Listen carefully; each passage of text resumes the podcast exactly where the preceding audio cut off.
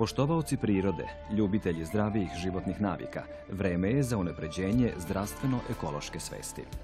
Za bolji i kvalitetniji život, za lepšu i čistiju planetu. Pravo je vreme da navijemo zeleni sat.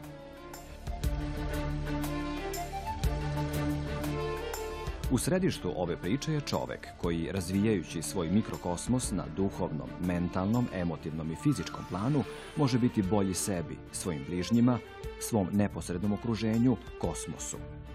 Priroda i kosmos dobro pamte sve što čovek čini. U ovoj emisiji gledat ćete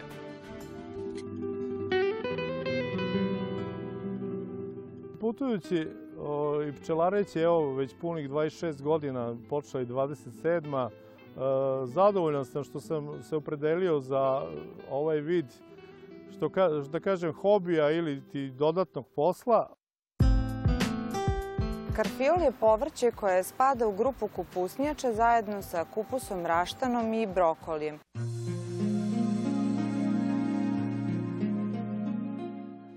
Iz svog ličnog iskustva daću ideju za, kako ja nazivam, obrok salatu.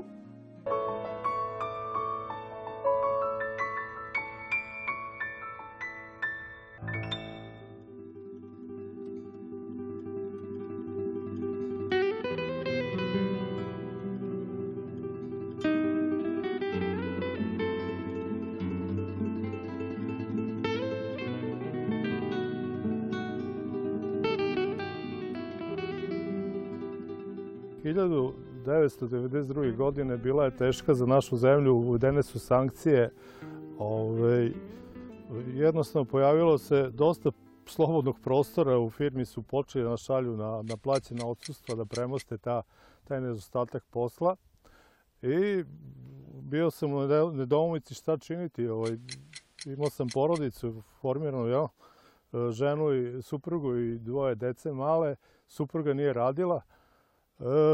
Pokušao sam se dovijem kako na neki pošten način doći do, do novca, do egzistencije. I onda mi je sinula ideja da ovaj, počnem da se bavim pčelarstvom. Razmišljao sam, ali nisam znao način, nije bilo interneta, nije bilo toliko, na mediji nisu popularisali taj, tu granu poljoprivrede. Povremeno se pojavljivale emisije ali jako redko o pčelarima i o njihovim, ovaj, o toj problematici. Jedino se u štampi moglo dobro jutro Novosadskom videti članci o, o pčelarima, o njihovim, e, znači tom njihovom poslu ili hobiju. Većinom je to bio hobi u tom periodu, jer nije bilo izgrađeno tržište meda kao na današnji način. Znači niste, vi ste mogli da izvrcate med, ali niste imali kome da ga prodate ili ste morali da se dovijate da ovaj, pronađete kupca koji bi vas onda na neki način e, zavlačio, plaćio bi vam posle pola godine, neki čak i nisu naplatili svoj med.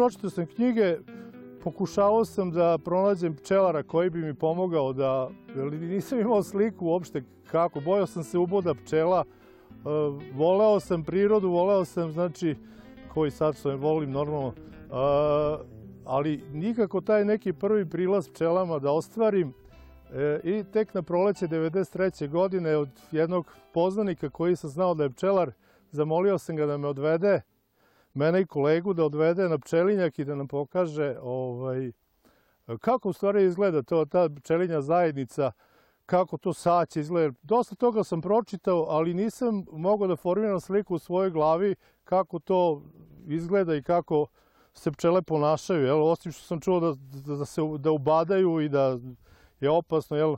ukoliko ste osetljivi, da je opasno ovaj, biti u blizini pčela, mogući su čak i smrtni ishodi ako ste jako osetljivi.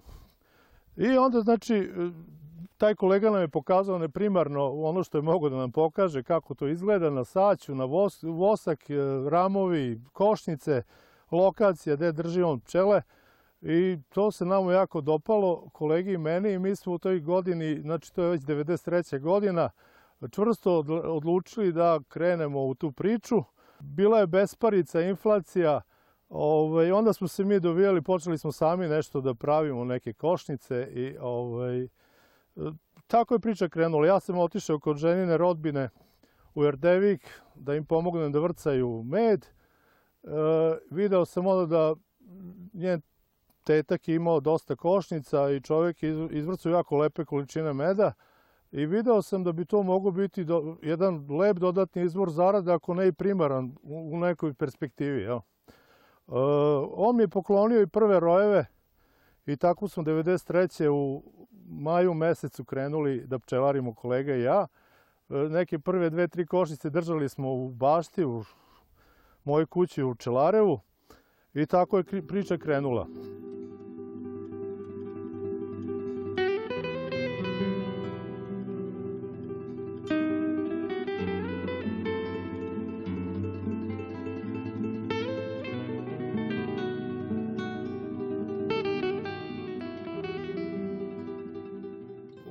Odlazak na paše u prirodu, to nas je dodatno motivisalo. Sam boravak u prirodi, znači gde smo išli, recimo na Bagremovu pašu smo išli u Bagremaru, pošto nismo imali sredstava dovoljno da, da to, ni broj košnice koji bi opravdao neki dalji put. I onda smo tako krenuli u okolini Čelare, gde sam tad živeo, ovaj, krenuli smo da istražujemo paše i da vrcamo pomalo meda. E, to nam se jako dopalo, kažem, i ovaj, počeli smo intenzivnije da širimo broj košnica. Tako negde 97. 8. godine ovaj, taj broj je već dosegao nivo od nekih 40 košnica i dogodila se jedna e, neprijatnost, ne nije toliko ni neprijatnost, nego e, kolega ja, ovaj, jednostavno, on bi bio pre podne slobodan, otišao bi pregledao bi pčele. Ja ne znajući da je on bio na pčelinjaku, odem ja, pa ja pregledam pčele. I tako da smo stalno uzneviravali pčele i onda smo došli do zaključka da to nije baš pametno i da bi bilo najbolje da svako krene svojim putem što se tiče pčelarstva. Ostali smo i dalje dobri drugari, selili smo zajedno košnice, ali svako je brinuo o svom delu košnica. I on se odlučio čak i profesionalno da radi, ovaj, da se bavi pčelarstvom profesionalno, dok ja nisam se usudio, iako sam imao i znanja i, i neke 1999. godine čak i neki 50 košica, što sam smatrao kao maksimum za rad uz posao, e, a kolega je već dosekao 100 i nešto košnica u tom periodu i ovaj, pokušavao je da živi od toga. Godine su bile tako, uglavnom solidne, moglo se izvaditi lepo meda, Dominantno smo išli na med, da ostale pčelinje proizvode onako sporadično, usputno, Uh, kažem, ja, ja sam to više doživljavao kao neki dodatni posao, a on se okrenuo ka toj profesionalnim vodama. Uh, međutim, 2008. godine dotle se tavorilo s tom trgovinom meda. Tu negde uh, agilni predsjednik Saveza pčelarskih uzacija Srbije, Rodoljub Živadinović, uspeo je da na nekim sajmovima i skupovima pčelara širom sveta da promoviše srpski med kao brend. I počeli se javljaju kupci za izvoz meda u inostranstvo. Znači, jednostavno, e, u tom momentu su dobijali dozvole od Evropske zajednice da je moguće izvesti med na njihovo tržište i tu počinje prava priča o profitabilnom pčelarstvu i o tome da, da se od pčelarstva možda može i živeti ko je malo vredniji, ko ima nekih 150-200 košnica, taj je već mogo da počne da razmišlja da živi od pčelarstva. Od pčelarstva. Uh, moj kolega i dan danas živi od pčelarstva, ja još uvijek to doživljavam kao dodatni posao. Imam nekih 100 košnica, dok on ima 260. Uh, pa šta da vam kažem, on jednostavno, uh, situacija je takva da još uvijek je to nestabilno tržište gde se pojavljuje stara priča kao i ostalim granama poljoprivrede gde otkupljivači pokušavaju da pokupe kajmak od pčelara, ko što pokušavaju da pokupe i na drugim pozicijama, ne znam, u malini, u stočarstvu i to. Tako da nekako sam se ipak odlučio da to bude dodatni posao uz moj stalni posao u firmi, ovaj, da pokušam eto da e, produžim sebi život i mojoj porodici e, izlaskom u prirodu.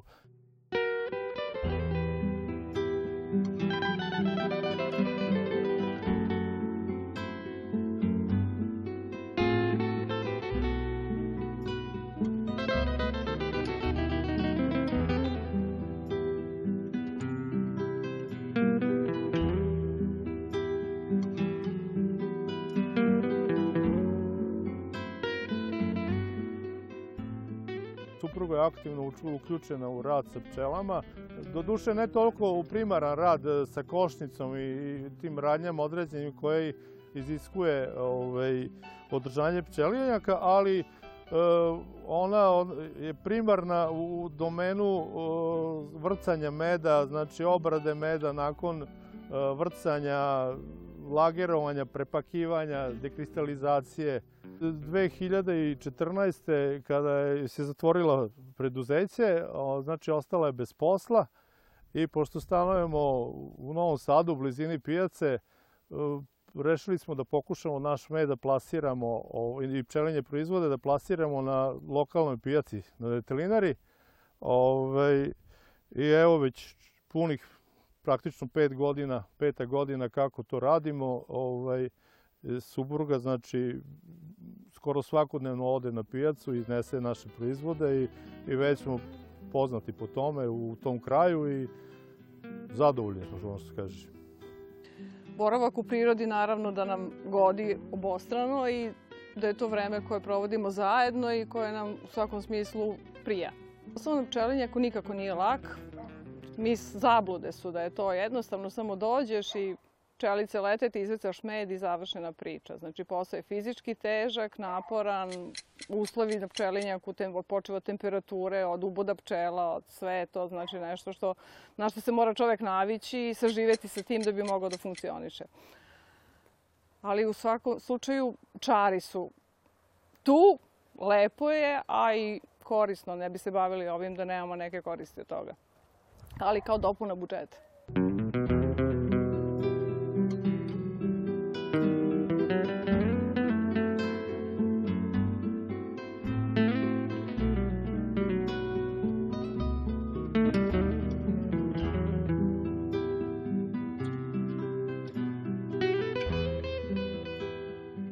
Neprocenjivo je ovo boravak u prirodi ovaj, sa pčelama. To je jednostavno nešto što treba doživeti pa da čovek onako ovaj, da, da to proživi pa da kaže eto zaista je lepo. Ovako dosta ljudi se boje uboda pčela, nije bezazleno moram priznati, pogotovo ako ste osetljivi. Ovaj, ali ukoliko se dobro zaštitite, znači obavezno kapa, rukavice, e, odelo zaštitno i onda možete prići pčelama tako da bi ohrabrio ove mlade koji žele da se bave, da pokušaju da se bave, samo moraju da znaju da ne mogu da odmah razmišljaju o toj nekoj ekonomskoj dobiti, o nekim velikim zaradama, jer ovo je jako mukotrpan posao i onaj ko je površan je ne, nema neko ko je pored njega iskusan ovaj, da mu to pri, tu sliku malo, pardon, da mu tu sliku malo ovaj, pojasni, on misli da ovde mogu silne pare da se uzmu, ali to jednostavno možda i može neko, ali to su jako redki ljudi.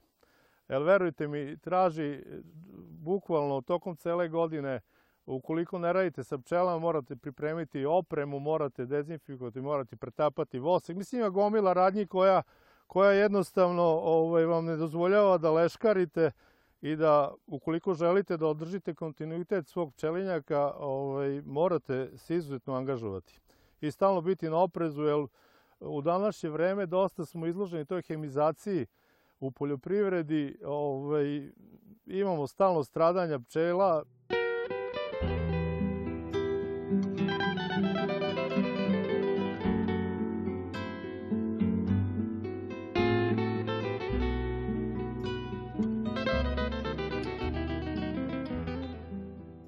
Što se tiče pčelarenja, u našem mestu je trenutno veliki broj pčelara, međusobno se družimo, organizujemo neka zajednička druženja, organizuju se ekskurzije, putovanja i razmenjujemo iskustva po celoj Srbiji, znači se putuje i, i to je još jedna čar pčelarenja. Putujući i pčelareći, evo, već punih 26 godina, počela i 27. E, zadovoljan sam što sam se opredelio za ovaj vid što ka, da kažem hobija ili ti dodatnog posla, ovaj, proputovao sam primarno naš, ovo našu Vojvodinom lepom, e, obišao sam, bio sam u svakom delu Vojvodine sa pčelama, upoznao ljude to, i, i prirodu. Znači, prirodu, Jer, mi možemo putovati širom sveta, ići u letovanje Grčkoj, ali verujte mi, ja sam ovde u Banatu prvi put čuo za neka mesta, eto, nisam ni znao da postoje i pogotovo da su tako okružena ovom našom, što se kaže, ravnicom, u našoj ravnici, jel?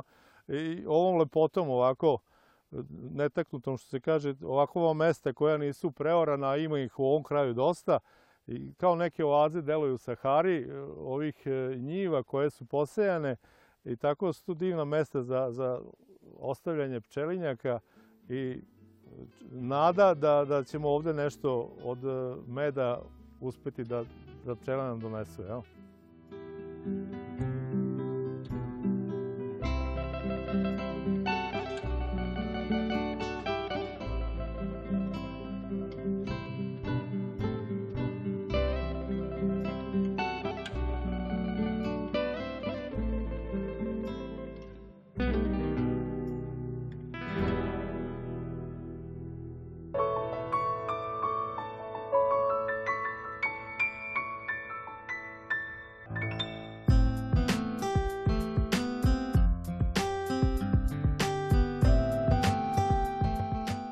Karfiol je povrće koje spada u grupu kupusnjača zajedno sa kupusom raštanom i brokolijem.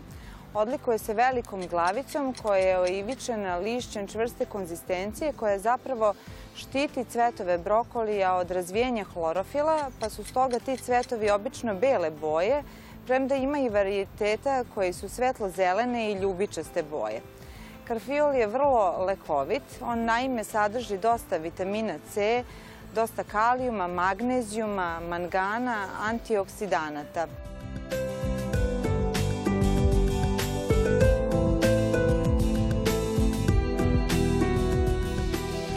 Karfiol ima antizapaljenska svojstva upravo zbog toga što ima obilje antioksidanata, pa se koristi kod, u prevenciji svih zapaljenskih procesa kao što su sinuzitis, osteoartritis, giht i mnoge druge. Na kraju krajeva sprečavaju i samu aterosklerozu krvnih sudova, jer je ateroskleroza u suštini upala krvnih sudova.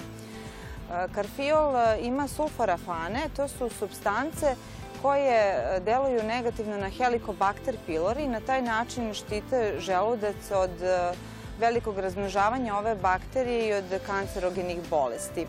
Međutim, karfiol, pored svih svojih lekovitih svojstava, nije za svakoga. Naime, sadrži substance koje se zovu goitrogeni i koji ometaju rad štitne žlezde, tako da se ne preporučuje u većim količinama osobama koje pate od ovog zdravstvenog problema.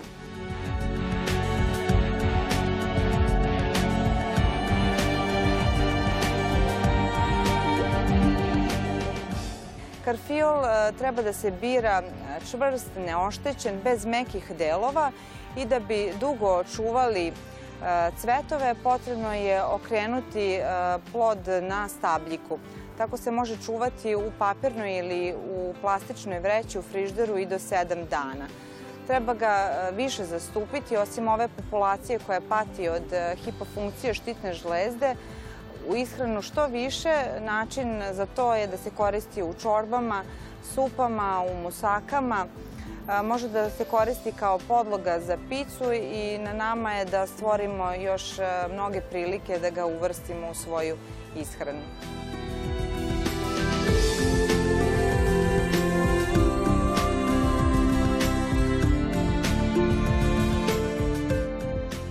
Prilikom spremanja karfiola bilo bi dobro da bude termička obrada što kraća. Preporučuje se kuvanje, najbolje na pari, svega par minuta.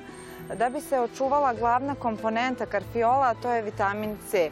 Takođe, e, treba držati otvoren poklopac kako bi se intenzivni miris sumpora smanjuje na što manju meru, a po zgotovljenju treba da odstoji 5 do 6 minuta kako bi se oslobodili neki korisni sastojci.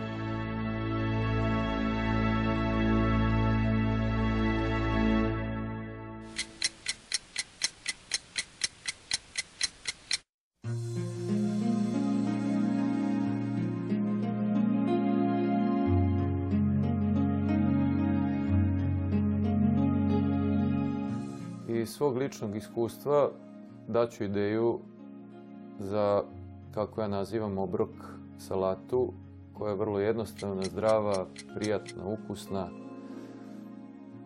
Možda je ovaj, namirnice su uobičajene, ali verujem da je specifična po začinima, načinu spremanja, brzini i lakoći spremanja, a vrlo je prijatno ukusna, zdrava, pregršt vitamina, ukusa i svega onog što čovek može da prija i da, da bude i da utiče i na, i na zdravlje i na zadovoljstvo i na sve ono što nam je na korist.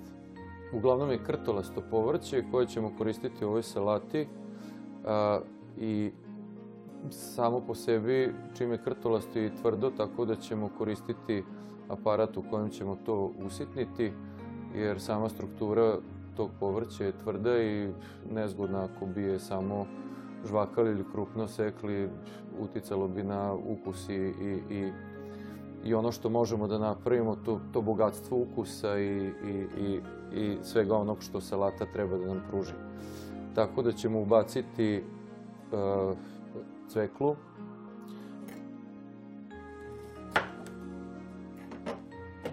šargarepu, papriku, pola krastavca. To su sve komadi koje sam isekao za otprilike salatu koja može i za dvoje do četvoro ljudi od, u zavisnosti od, od dodatnih nekih stvari koje ubacujemo.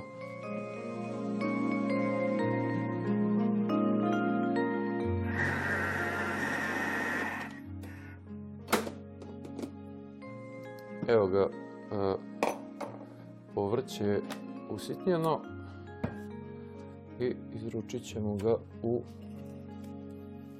posudu.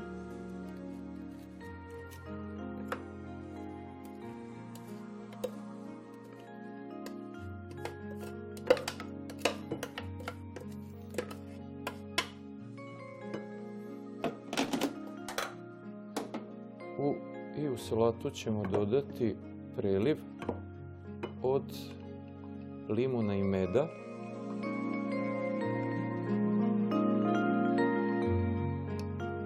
koji ovoj salati daje poseban ukus, kiselkasto slatkast.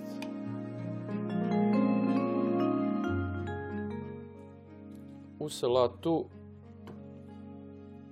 možemo dodati radi teksture, hrskavosti i punoće ukusa hlebčiće koje prethodno istostiramo dok se salata sprema, prelijemo je maslinovim uljem i a, začinima koje imamo.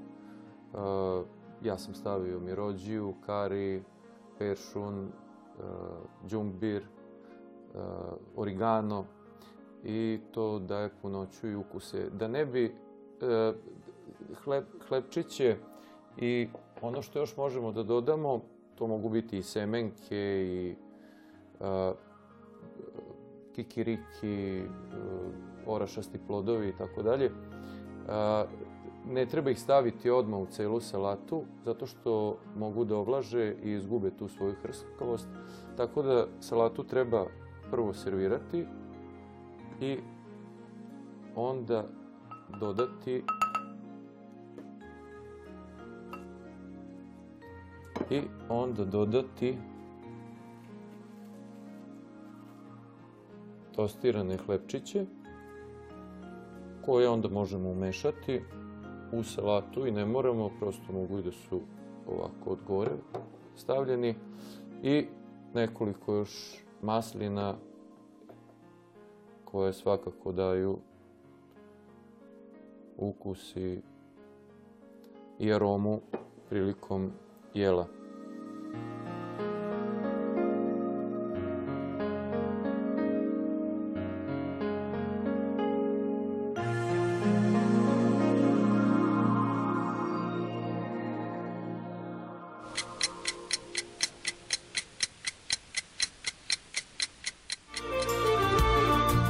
Ne zaboravimo da smo planetu Zemlju nasledili od predaka, a pozajmili od potomaka. Čuvajmo je živeće u skladu sa prirodom. Ne zaboravimo da su prirodnost, smirenost, iskrenost, skromnost, zahvalnost i dobrota vrline, ali ne budimo skromni u ljubavi, razumevanju, praštanju, humanosti, znanju, kreativnosti. Pokrenimo se, postanimo bolja verzija sebe. Ne zaboravimo da istinska lepota uvek dolazi iznutra i ne postoji bolja kozmetika od sreće, a sreća i radost su stanje duha, sada i ovde. I nikako ih ne bi trebalo dovoditi u vezu sa materijalnim okolnostima. Negujmo svoju autentičnost slaveći život, ma gde bili pod kapom nebeskom. Ne zaboravimo da genetska predisponiranost, način života kao i okruženje u kojem živimo svakako utiču na naše zdravlje. Ono je bogatstvo koje po pravilu ne cenimo sve dok ne počnemo da ga gubimo. Na njega možemo uticati svojim dobrim i lošim navikama. Kako ćemo živeti, izbor je na nama. I naravno, ne zaboravimo da redovno navijamo zeleni sat.